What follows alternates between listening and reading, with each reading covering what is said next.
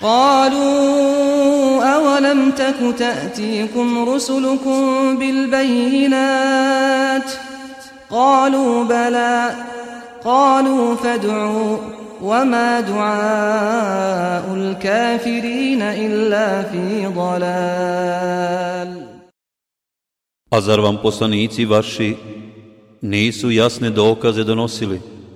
Upitaće oni. Jesu. odgovorit će. Molite onda vi, reći će oni.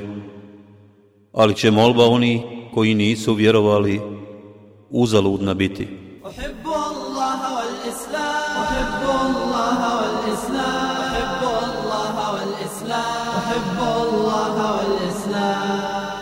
Kazivanje o Allahovim vjerovjesnicima.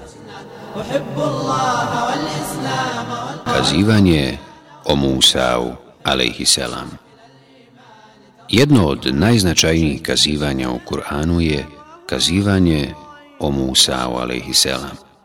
Ono je spomenuto na 73 različita mjesta u Kur'anu.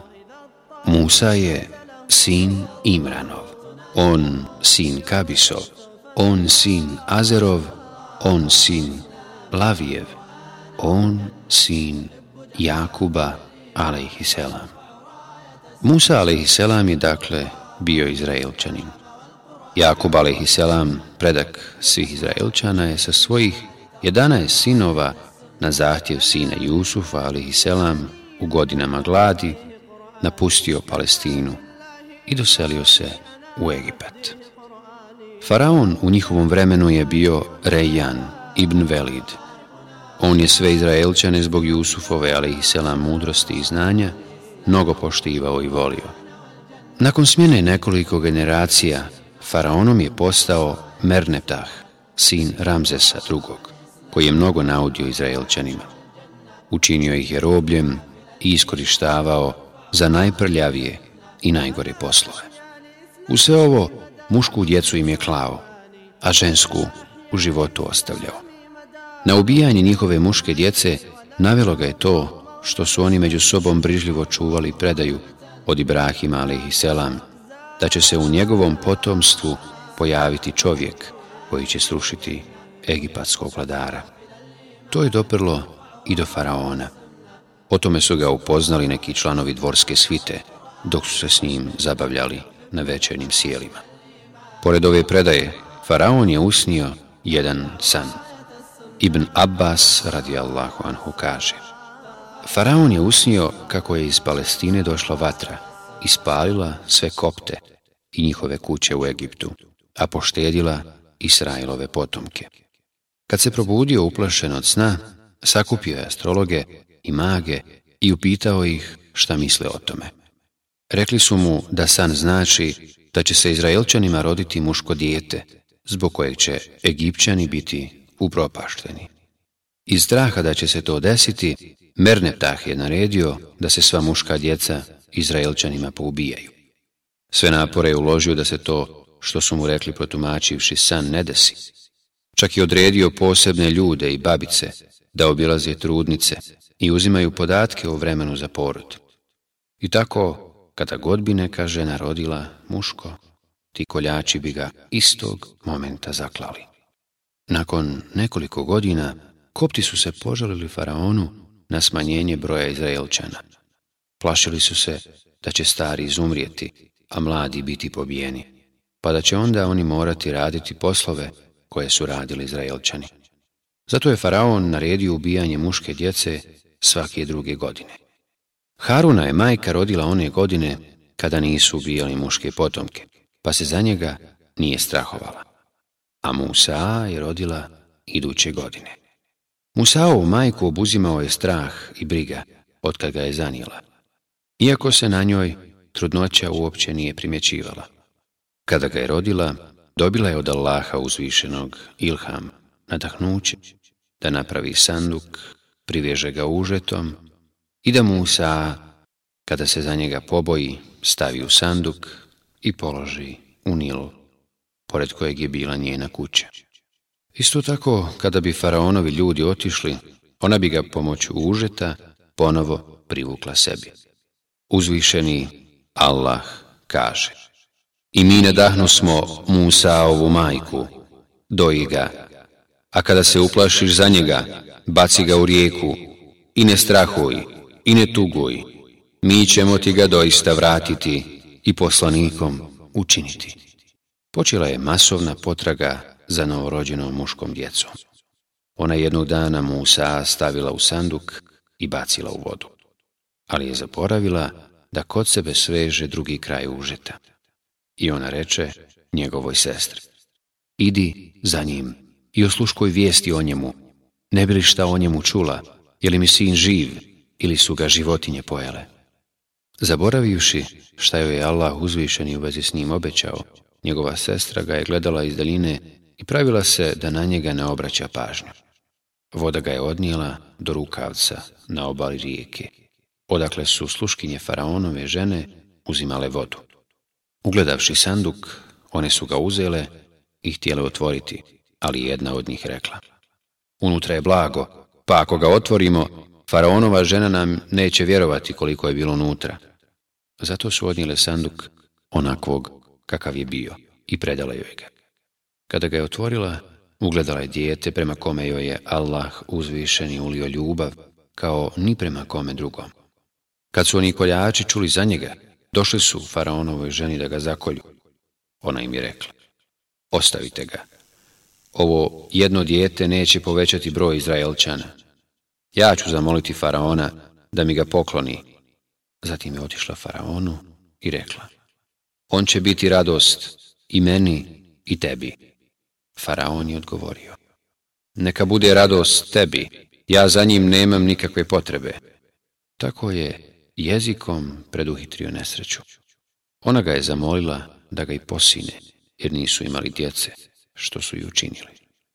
Musa je, kada su ga smjestili na dvor i pokušali da nahrane, odbio da prihvati dojku svake dojilje, koja ga je pokušala zadojiti kao i svaku drugu hranu.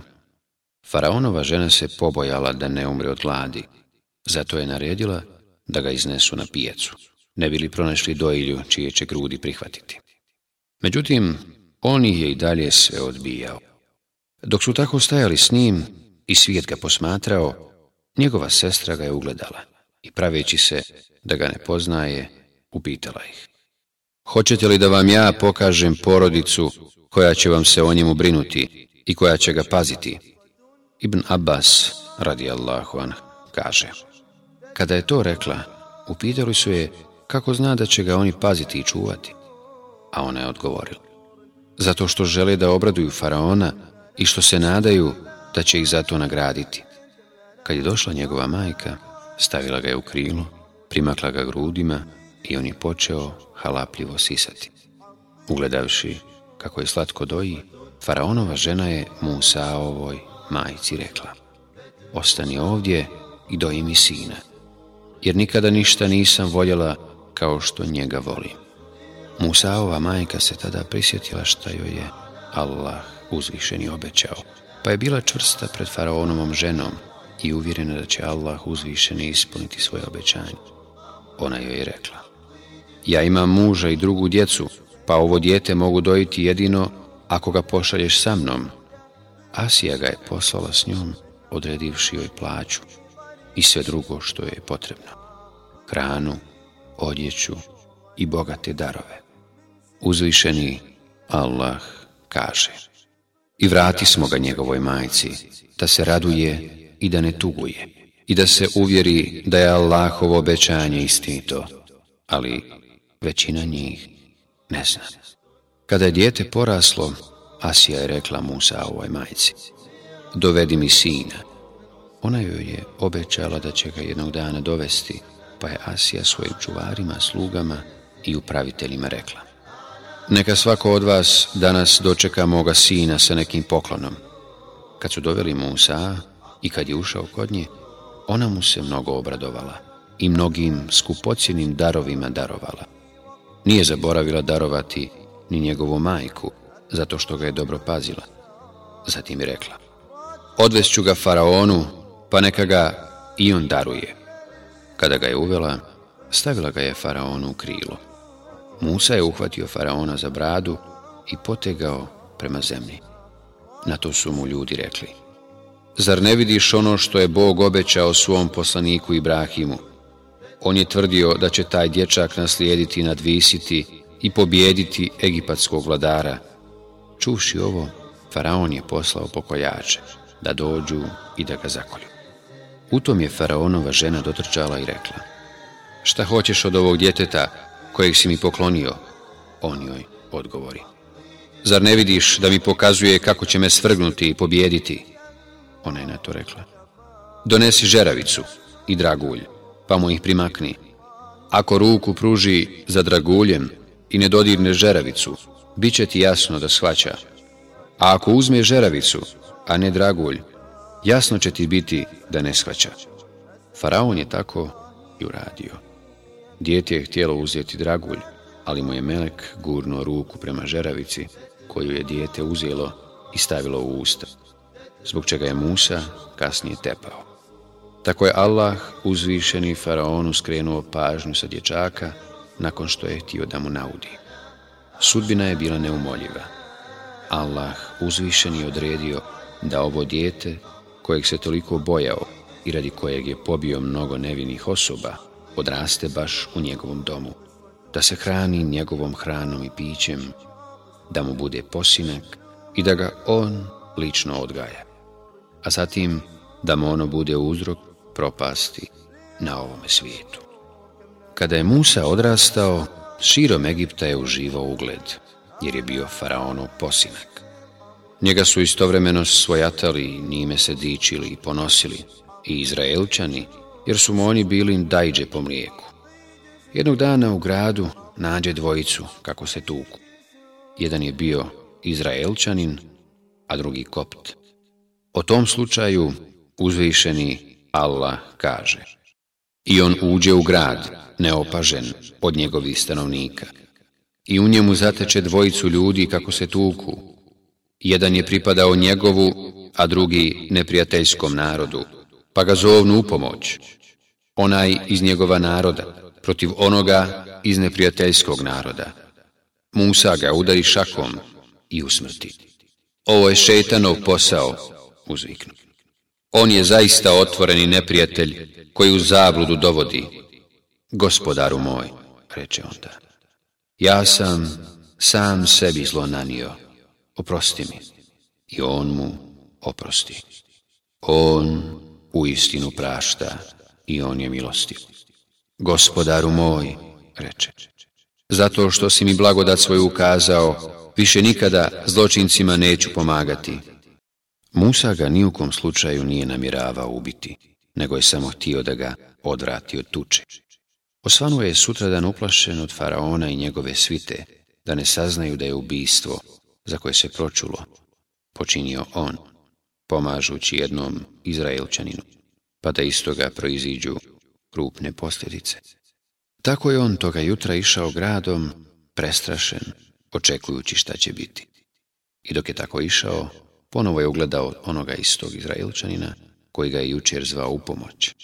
Kako ga opet doziva u pomoć protiv drugog čovjeka sa kojim se potukao.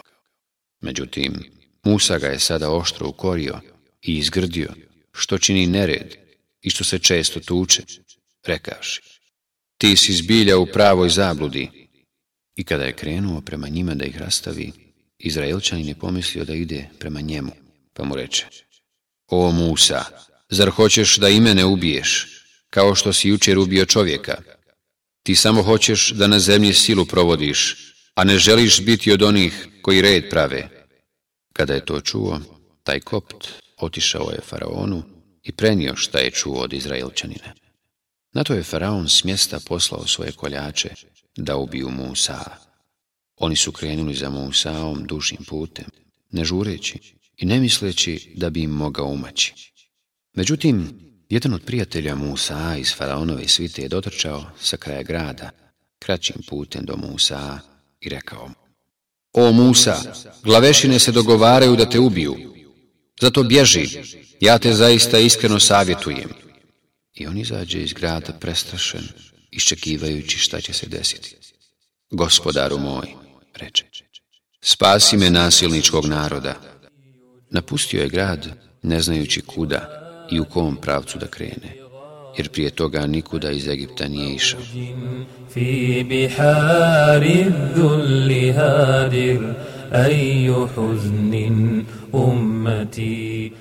kad se uputi prema medjenu, reče, gospodar moj će mi pokazati pravi put.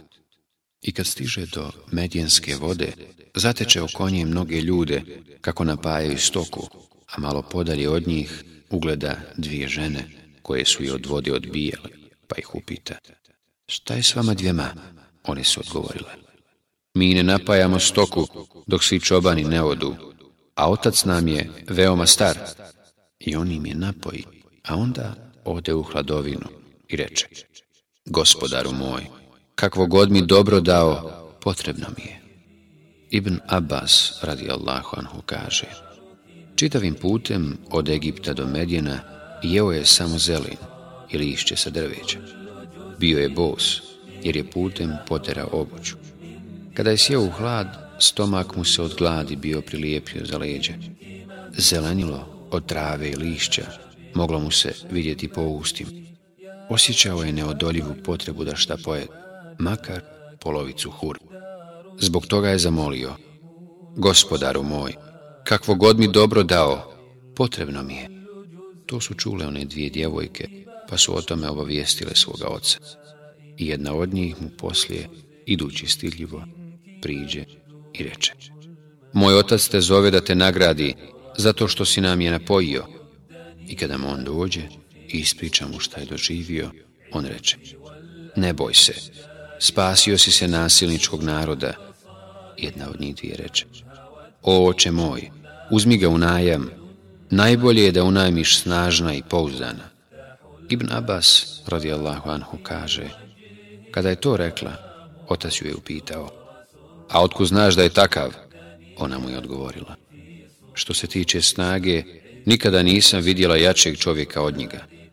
On je podigao kamen sa bunara, kojeg ne može podići manje od deset ljudi, a što se tiče povjerljivosti, kada sam se pojavila idući prema njemu, pogledao je u mene i kada je vidio da sam žensko, oborio je glavu. Zatim je rekao da idem iza njega i da mu, kada dođemo do raskrsnice, bacanjem kamenčića pokažem put. To je uradio samo zato što je čestit. On reče, ja želim da te oženim jednom od ove moje dvije kćeri, ali da me služiš osam godina a ako napuniš deset, to je od tebe. Ja ne želim da ti to učinim teški. Vidjet ćeš, ako Allah da, da sam dobar. Musa reče. Neka bude tako između mene i tebe. Koji god od ta dva roka ispunim, nema mi se šta prigovoriti. Allah je jamac za ono što govorimo.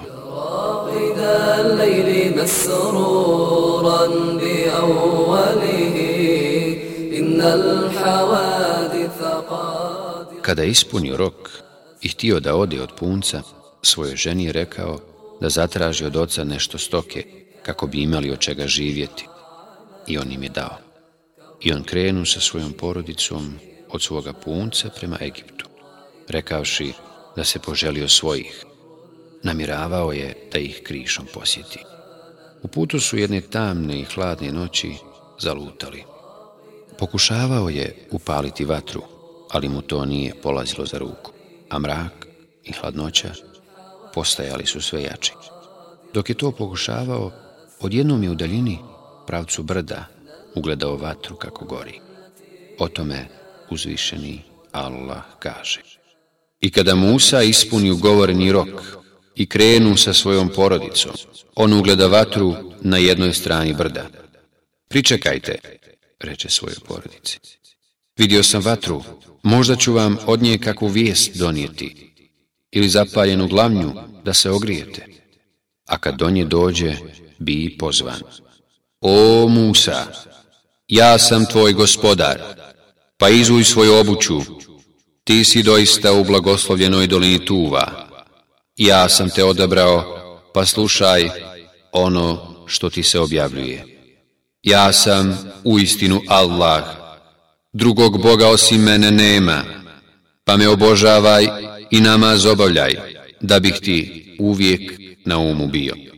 Čas oživljenja će sigurno doći od svakoga tajim, da bi svaki čovjek prema svome trudu nagrađen ili kažnjen bio. I neka te zato nipošto ne odvrati od vjerovanja onaj koji u njega ne vjeruje i slijedi svoju strast, pa da propadneš. A šta ti je to u desnoj ruci, o Musa? Ovo je moj štab, odgovori on, kojim se poštapam i kojim lišće svojim ovcama skidam, a služi mi i za druge potrebe. Baci ga, o Musa, reče on. I on ga baci, kad on, zmija koja mili. Postala je to ogromna zmija koja se kretala. Kada ju je Musa a.s. ugledao, on se uplašio i pobjegao. U tom momentu ga je gospodar ponovo zovnuo. O Musa, priđi i ne boj se, ti si zaista bezbjedan. Kad se vratio, Allah uzvišeni mu je rekao. Uzmi je i ne boj se, mi ćemo je vratiti u prijašnji oblik. I uvuci ruku pod pazuho svoje, ruka će se pojaviti bijela, ali ne bolesna. Kada je to uradio, od bjeline je zasjela poput mjesec. Bjelina nije bila nikakva mahana, niti znak kožnog oboljenja. Zatim mu je rekao, idi faraonu, on se osilio. Gospodaru moj, reče Musa, učini prostranim moja prsa i olakšaj mi moj zadatak, i razriješi uzao sa moga jezika, da bi razumjeli moj govor. Ovim je zamolio Allaha uzvišenog da mu otkloni tepanje u tolikoj mjeri da bi ga mogli razumjeti i Allah uzvišen je udovoljio njegovoj molbi. Musa je također rekao Allahu uzvišenom. Gospodaru moj, ja sam ubio jednog njihovog čovjeka, pa se bojim da i oni mene ne ubiju, a moj brat Harun je riječiti od mene, pa pošalji sa mnom i njega, kao mog pomagača, da potvrđuje moje riječi, jer se bojim da me ne nazovu lašcem. Pomoći ćemo te tvojim bratom, reče on, i obojici ćemo dati vlast, pa vam se neće moći približiti. S našim znamenjima, vas dvojica i oni koji vas budu slijedili, bit ćete pobjednici. Esuti kaže, kada je Musa stigao iz Medjena u Egipat, prvo je otišao do svoje majke i brata Haruna. Zatekao ih je kako večeraju, pa je i on s njima jeo. Zatim je rekao, Harune, Allah je meni i tebi naredio da pozovemo Faraona, da samo njega obožava. Pa hajde sa mnom. Zatim su njih dvojica otišli do Faraonovih vrata pa je Musa a.s. štapom pokucao. Faraon se zbog toga uzrujao i naredio da mu ih dovedu. Rekli su, mi smo poslanici gospodara tvoga, a zatim ga pozvali da obožava samo Allaha uzvišenog, koji nema sudruga, te da oslobodi Izraelčane iz okova nasilja i terora i pusti ih da obožavaju svoga gospodara gdje god hoće. Ali Faraon se uzoholio pa je pogledao Musa, alihi selam, sa prijezirom i rekao mu, Zar te među nama nismo odgojili dok si dijete bio? I zar među nama tolike godine svoga života nisi proveo? I uradio si nedjelo koje si uradio? I još si nezahvalnik? Ja sam onda ono uradio nehotice, reče. A od vas sam pobjegao zato što sam vas se bojao. Pa mi je gospodar moj mudrost darovao i poslanikom me učinio. Odgovarajući faraonu na prigovaranje za učinjeno dobročinstvo u njegovom djetinstvu, Musa a.s. je rekao Dobročinstvo o kome govoriš odnosi se samo na jednog čovjeka od Izraelčana, dok si s druge strane porobio i u svoju službu stavio cijel jedan narod kojem i ja pripadam. Faraon je upitao, a ko je gospodar svjetova za kojeg tvrdite da vas je uputio i poslao? Musa a.s. mu je odgovorio. Gospodar nebesa i zemlje i onog što je između njih, ako ste uvjereni. Svako ko vjeruje zna da to ništa što postoji nije moglo samo sebe stvoriti ili nastati nekako slučajno i da mora postojati neko koji ih je stvorio, a to je Allah uzvišeni, pored kojeg drugog Boga nema. A Faraon, on ima oko sebe, ponižavajući i ismijavajući ono što je iznio Musa selam, reče. Čujete li vi ovo? Musa selam, im je rekao. On je vaš gospodar i gospodar vaših drevnih predaka. Vjerovjesnik koji vam je poslan je istinu lud, reče Faraon. On je gospodar istoka i zapada i onoga što je između njih, ako pamet imate. A šta je sa narodima drevnim? Upitao. Ovim pitanjem Faraon je želio reći i selam. Ako je tvoj gospodar zaista onaj koji stvara, koji određuje sudbinu i zatim sva stvorenja prema njoj napućuje, onda samo njega treba obožavati Međutim, zašto su prijašnji narodi obožavali druge mimo njega?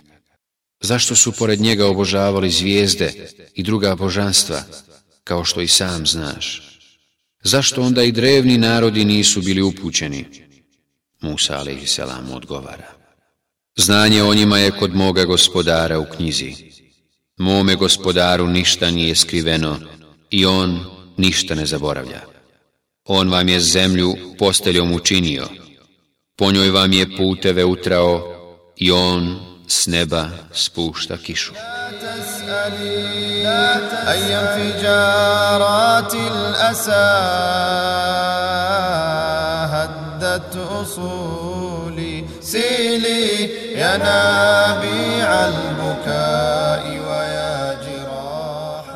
I kada su tako izneseni, racionalni dokazi Faraonu i pobijene njegove sumnje. Faraon je počeo koristiti svoju vlast i moć. Faraon reče, ako budeš kao Boga nekog drugog osim mene priznavao, sigurno ću te u tamnicu baciti. Zar i onda, kad ti budem očigledan dokaz donio, upita on. Pa daj ga, ako istinu govoriš, reče Faraon. I Musa baci svoj štap kad on prava zmija. To je bio veličanstven i zastrašujući prizor. Ta ogromna zmija otvorenih usta okomila se na faraona. Ugledavši kako ide prema njemu, faraon se uplaši. Skočio sa prestolja i zamolio Musa Selam da je od njega ukloni, što je on i učinio. Faraona je, kada je to vidio i živio, obuzeo žestoki strah tako da je zbog toga preko 40 puta dnevno imao proljev. Zatim je Musa a.s. zavukao svoju ruku u njedra, a onda izvadio. A ona je sijala poput mjeseca, od čega su pogledi ostali ukočeni. Kada ju je po drugi put zavukao u njedra izvadio, ruka se vratila u prvobitno stanje. Zatim su mu rekli, nama se objavljuje da će sigurno stići kazna onoga ko ne povjeruje i glavu okrene. I pored svega, Faraonu ništa od toga nije koristilo, pa je ustrajao u svom nevjerovanju. Zato je rekao da je to čarolija i odmah htio da se uz pomoć svojih čarobnjaka tome suprostavi. I mi ćemo tebi vrađbinu sličnu ovoj pokazati. Zakaži nam ročište koga ćemo se i mi i ti pridržavati, onako kako odgovara i nama i tebi neka sastanak bude dan svečanosti, reče Musa, i nek se svijet skupi izjutra. Upravo je Musa, ali i selam, i želio da Allahove dokaze i znakove pokaže javno u prisustvu svijeta. Faraon je zatražio da mu dovedu najvještije čarobnjake, a tada je u Egiptu bilo mnogo iskusnih čarobnjaka koji su se usavršili u svom zanatu. Doveli su mu ih iz svih krajeva Egipta. Ibn Ebi Hatim navodi da je Ibn Abbas radi Allahu anhu rekao Bilo ih je sedamdeset i svi su bili mladići Izraelčani. Faraon im je naredio da odu učiteljima magije i čarolije i da od njih uče. Faraon, njegovi zapovjednici i podanici njegova carstva, svi do posljednjih su došli, jer ih je Faraon pozvao da prisustuju tom velikom događaju. Kad su čarobnjaci došli faraonu, upitali su. S čime radi ovaj čarobnjak? Kad im je rekao da radi sa zmijama, povikali su. Tako nam Boga, na zemlji nema niko ko sa užadima i štapovima zna dočarati zmije kao mi. Da li ćemo doista nagradu dobiti ako budemo pobjednici? Upitaše. Da, reče Farao. Čime ćeš nas nagraditi ako pobjedimo? Bićete meni bliski, imat ćete poseban status i ispunit ću vam šta god zaželite, odgovorio je. Musa ali selam, je prišao čarobnjacima i posavjetovao ih riječima. Teško vama. Ne iznosite laži o Allahu, pa da vas On kaznom uništi, a sigurno neće uspjeti onaj ko laži iznosi. I oni se tiho, šapućući stadoše, o svom poslu između sebe raspravljati. Ova dvojica su čarobnjaci, rekoše jedni drugima. Hoće da vas svojim vrađbinama iz vaše zemlje izvedu i da unište vašu vjeru prelijepu. Zato svoja lukavstva pametno pripremite, a onda jedinstveni u red stanite. Ko danas pobjedi, on će uspjeti. Kada su se čarobnjaci poredali, a Musa i Harun, alaihi stali naspram njih, upitali su Musa a.s. O Musa, hoćeš li ti ili ćemo mi prvi baciti? Bacite vi, reče on. Oni su već bili pripremili užari štapove, stavivši u njih živu i druge materije zbog kojih su se uvijeli. Bacajući užari štapove, izgovarali su. Tako nam dostojanstva faraonova, mi ćemo svakako pobijediti. I kad oni batiše, oči ljudima začaraše i prestrašiše i vrađbinu veliku prirediše. I odjednom mu se pričini da se konopi njihovi, štapovi njihovi, zbog vrađbine njihove kreću. I Musa u sebi osjeti zebnju. Pobojao se da će oni svojim čarolijama i varkama zavesti narod prije nego što on baci ono što mu je bilo u ruci, jer ništa nije smio uraditi prije nego što mu se naredi. I u odlučujućem trenutku Allah uzvišeni mu je objavio. Ne boj se, ti ćeš doista pobijediti. Baci to što ti je u desnoj ruci, progutat će ono što su oni napravili, jer je ono što su oni napravili samo varka čarobnjaka, a čarobnjak neće, ma gdje došao, uspjeti. Tada je Musa, selam bacio svoj štab i rekao, ono što ste priredili čarolija je, Allah će je uništiti jer Allah ne dopušta da djelo pokvarenjaka uspije. Allah će svojim riječima učvrstiti istinu, makar to i ne bilo drago zločincima. Uzvišeni Allah kaže. I mi objavi smo Musa'u, baci svoj štab. I on odjednom proguta sve ono čime su oni bili obmanu izveli. I tako istina navidjelo vidjelo izbi i pokaza se da je bilo lažno ono što su oni priredili. I tu oni bijahu pobjeđeni i ostadoše poniženi. A čarobnjaci se licem natlebaciše. Mi vjerujemo u gospodara svjetova, povikaše. Gospodara Musaova i Harunova. Prema onom što su znali, bili su ubijeđeni da to nije čarolija ni magija, ni mašta, ni opsjena, ni varka, ni laž, nego istina, koju može dati samo istiniti, koji je poslao Musa a.s. i potpomogao ga istinom. Allah uzvišen je sa njihovih srca uklonio zaslijepljenost i prosvijetlio ih uputom koju je u njih usadio, a odstranio je iz njih tvrdokornost. Zato su se obratili svome gospodaru, pali mu na sečdu i glasno, ne bojeći se nikakve kazne niti iskušenja rekli prisutni. Vjerujemo u gospodara Musaova i Harunova. Vi ste mu povjerovali, viknu Farao. Prije nego što sam vam ja dopustio, on je učitelj vaš, on vas je vrađbini naučio i ja ću vam sigurno u nakrst ruke i noge vaše odsjeći i po stablima palmi vas zapeti i sigurno ćete saznati ko je od nas u mučenju strašniji i strajniji. Ovo je, mislim, smicalica koju ste u gradu smislili, da bi iz njega stanovnike njegove izveli. Zapamtit ćete vi. Mi nećemo tebe staviti iznad jasnih dokaza koji su nam došli. Tako nam onoga koji nas je stvorio, odgovoriše on. Pa čini šta hoćeš. To možeš da učiniš samo na ovome svijetu. Mi vjerujemo u našeg gospodara, da bi nam oprostio naše grijehe i vrađbine na koje si nas ti prisilio, a Allah bolje nagrađuje i trajnije. Onoga koji pred svoga gospodara izađe kao zlotvor, čeka džehennem. U njemu neće ni umirati ni živjeti, a one koji pred njega izađu kao vjernici, a koji su dobra djela činili, njih sve čekaju visoki stepeni, edenski vrtovi, kroz koje će rijeke teći, i u njima će oni vječno boraviti. I to će biti nagrada za one koji se budu od grijeha očistili. Ti ljudi su ujutro bili čarobnjaci a istog dana na večer postali su uzoriti šehidi.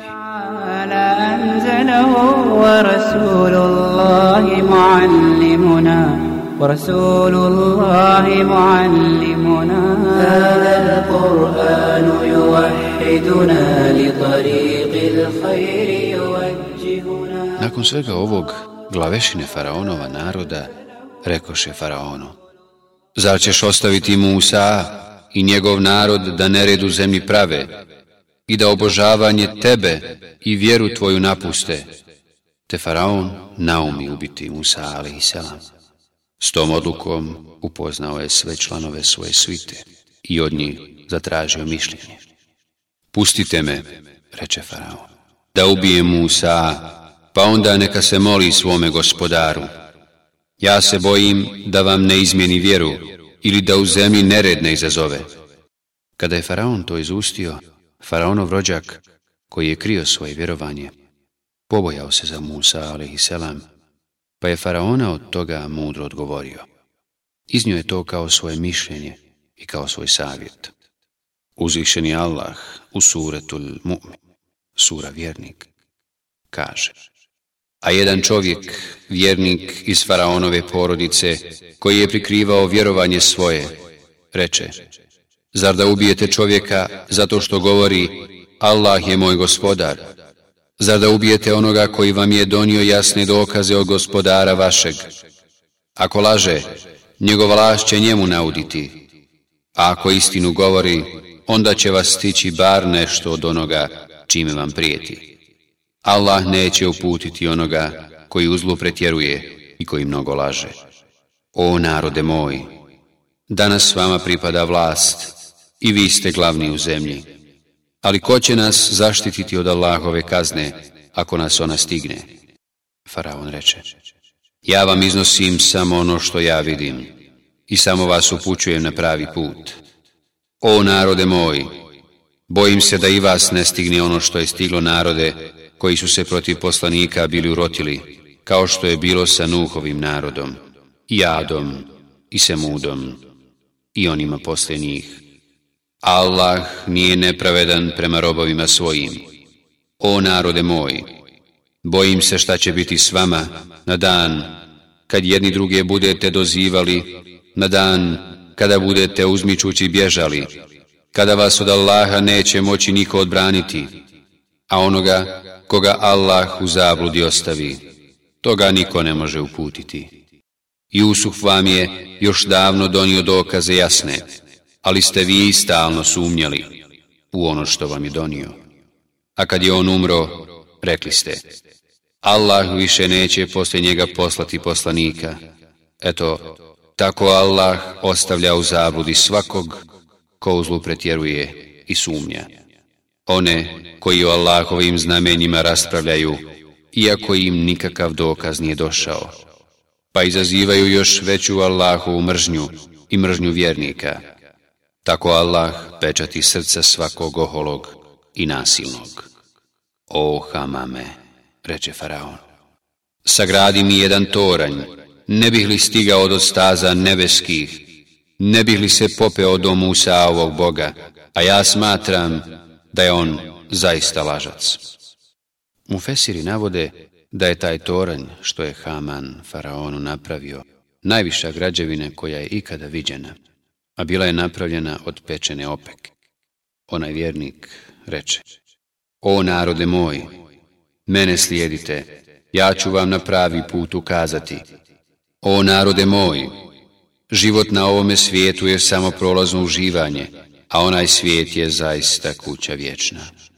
Ko učini zlo, bit će prema njemu kažnjen, ako učini dobro, bio muškarac ili žena, a vjernik je u džennet će, u njemu će imati u obilju svega, bez računa. Uzvišeni Allah kaže. I mi smo faraonom narod gladnim godinama i nerodicom kaznili, da bi se opametili. I kada bi im bilo dobro, oni bi govorili, ovo smo zaslužili. A kada bi ih snašla kakva nevolja, Musau i onima koji su s njim vjerovali, tu nevolju bi pripisivali ali ne. Njihova nevolja bila je od Allaha, samo što većina njih nije znala. I govorili su, kakav god nam dokaz doneseš, da nas njime opčaraš, niti nećemo vjerovati. Zato smo mi na njih slali poplave, i skakavce, i krpelje, i žabe, i krv, sve jasna znamenja. Ali su se oni oholili. I zločinački narod su bili i kad god bi ih zadesila nevolja, govorili bi O Musa, zamoli za nas gospodara svoga, onako kako te je on naučio. Ako od nas otloniš nevolju, mi ćemo ti povjerovati i s tobom sigurno sinove Israilove poslati. I pošto bismo ih nevolje oslobodili do vremena do kojeg im je bilo određeno da je podnose, oni bi odjednom obećanje prekršili zato ih mi kaznismo. I u moru ih potopismo, jer su znamenja naša poricali i prema njima ravnodušni bili. Muhammed ibn Ishak kaže, kada su čarovnjaci povjerovali, faraon je ostao poražen i ponižen. Uprko svemu, on je nastavio sa svojim nevjerstvom i zlodjelima. Zato mu je Allah uzastopce slao čuda, sušne godine, poplavu, skakavce, krpelje, žabe i krv, kao jasne znakove. Kada im je poslao poplavu, preplavila je cijelu zemlju. U tom periodu nisu mogli ništa sijati, niti na neki drugi način privređivati, tako da su se patili i gladovali. Kada ih je to sve zadesilo, rekli su, O Musa, zamoli za nas gospodara svoga, onako kako te je on naučio, ako od nas otkloniš nevolju, zaista ćemo ti povjerovati i s tobom sigurno sinove Israilove poslati. Musa je zamolio svoga gospodara, pa je on od njih nevolju uklonio. Međutim, pošto ništa od onog što su obećali nisu ispunili, Allah je na njih poslao skakavce. Skakavci su jeli drveće, pa čak i željezne čavle na vratima, tako da su im se rušile kuće i stanovi.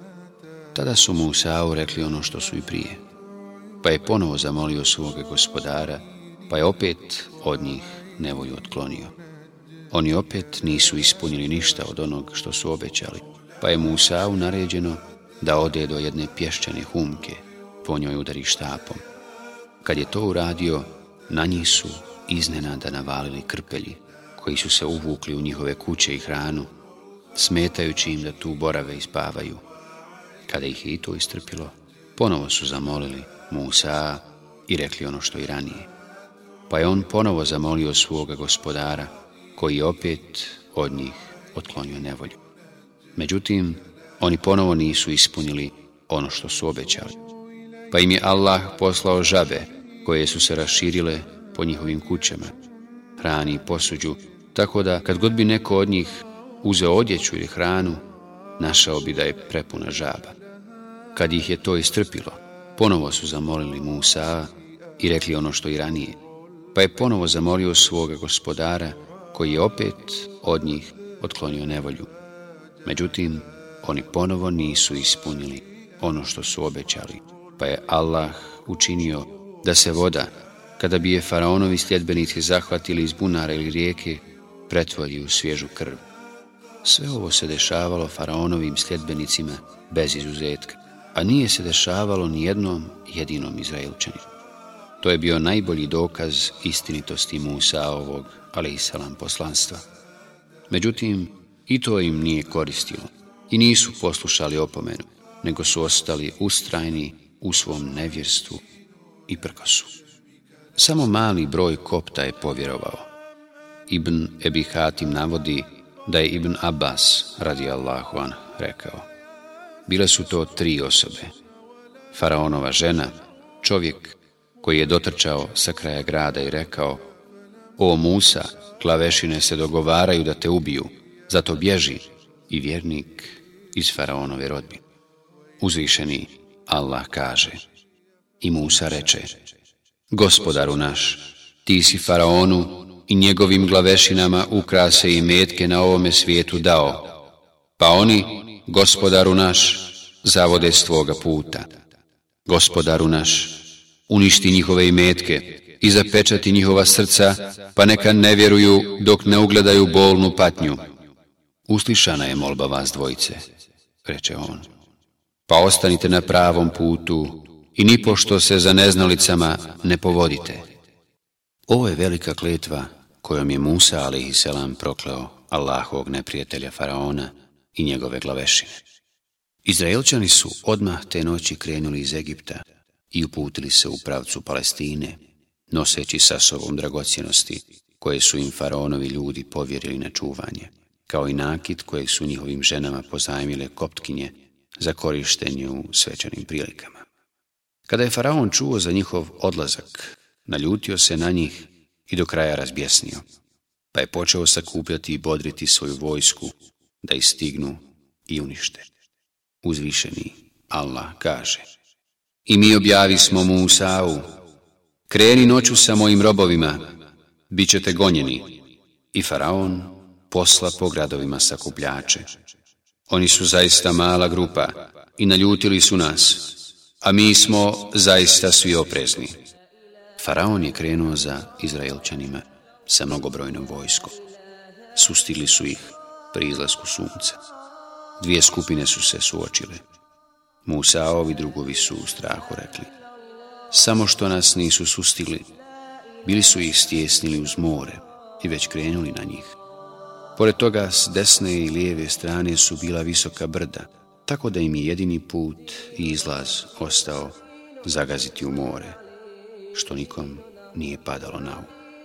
Zato su se požalili Musao, ali i selam, pa im je on rekao, moj gospodar je sa mnom, on će me uputiti, on mi je naredio da ovdje dođem. On je tada bio na začelju, pa je prošao naprijed, gledajući u more, čiji su se valovi sudarali i buka bila sve jača. Kada je situacija postala krajnje ozbiljna i opasna, a faraon i njegova opaka i žestoka vojska se približila, moćni uzvišeni i blagi gospodar plemenitog Arša, objavio je Musa Selam Udari svojim štapom po moru, pa je udario i pritome rekao. Rastavi se Allahovom dozvolom i ono se rasta. Navodi se da se more rastavilo na 12 mjesta i za svako pleme napravilo po jedan prolaz kojim su išli. Tako je morska voda stajala uspravno, poput brda zadržava nas snagom onoga koji kad nečemu kaže budi, ona bude. Allah uzvišeni nije također naredio zapadnom vjetru, pa je puhnuo i odnio morsko blato, tako da je ostalo suho tlo koje se nije lijepilo za kopita konja i ostalih životinja. Musao a.s. je naređeno da ga sa Izraelčanima pređe. Oni su se odmah žurno spustili radujući se i posmatrajući veličanstvenu moć koja je zapanjila prisutne i ukazivala na pravi put srcima vjernika. Allah, Allahu akbar, Allahu akbar, Kad je faraon prišao i vidio taj veličanstveni prizor, uvjerio se ono što prije nije vjerovao.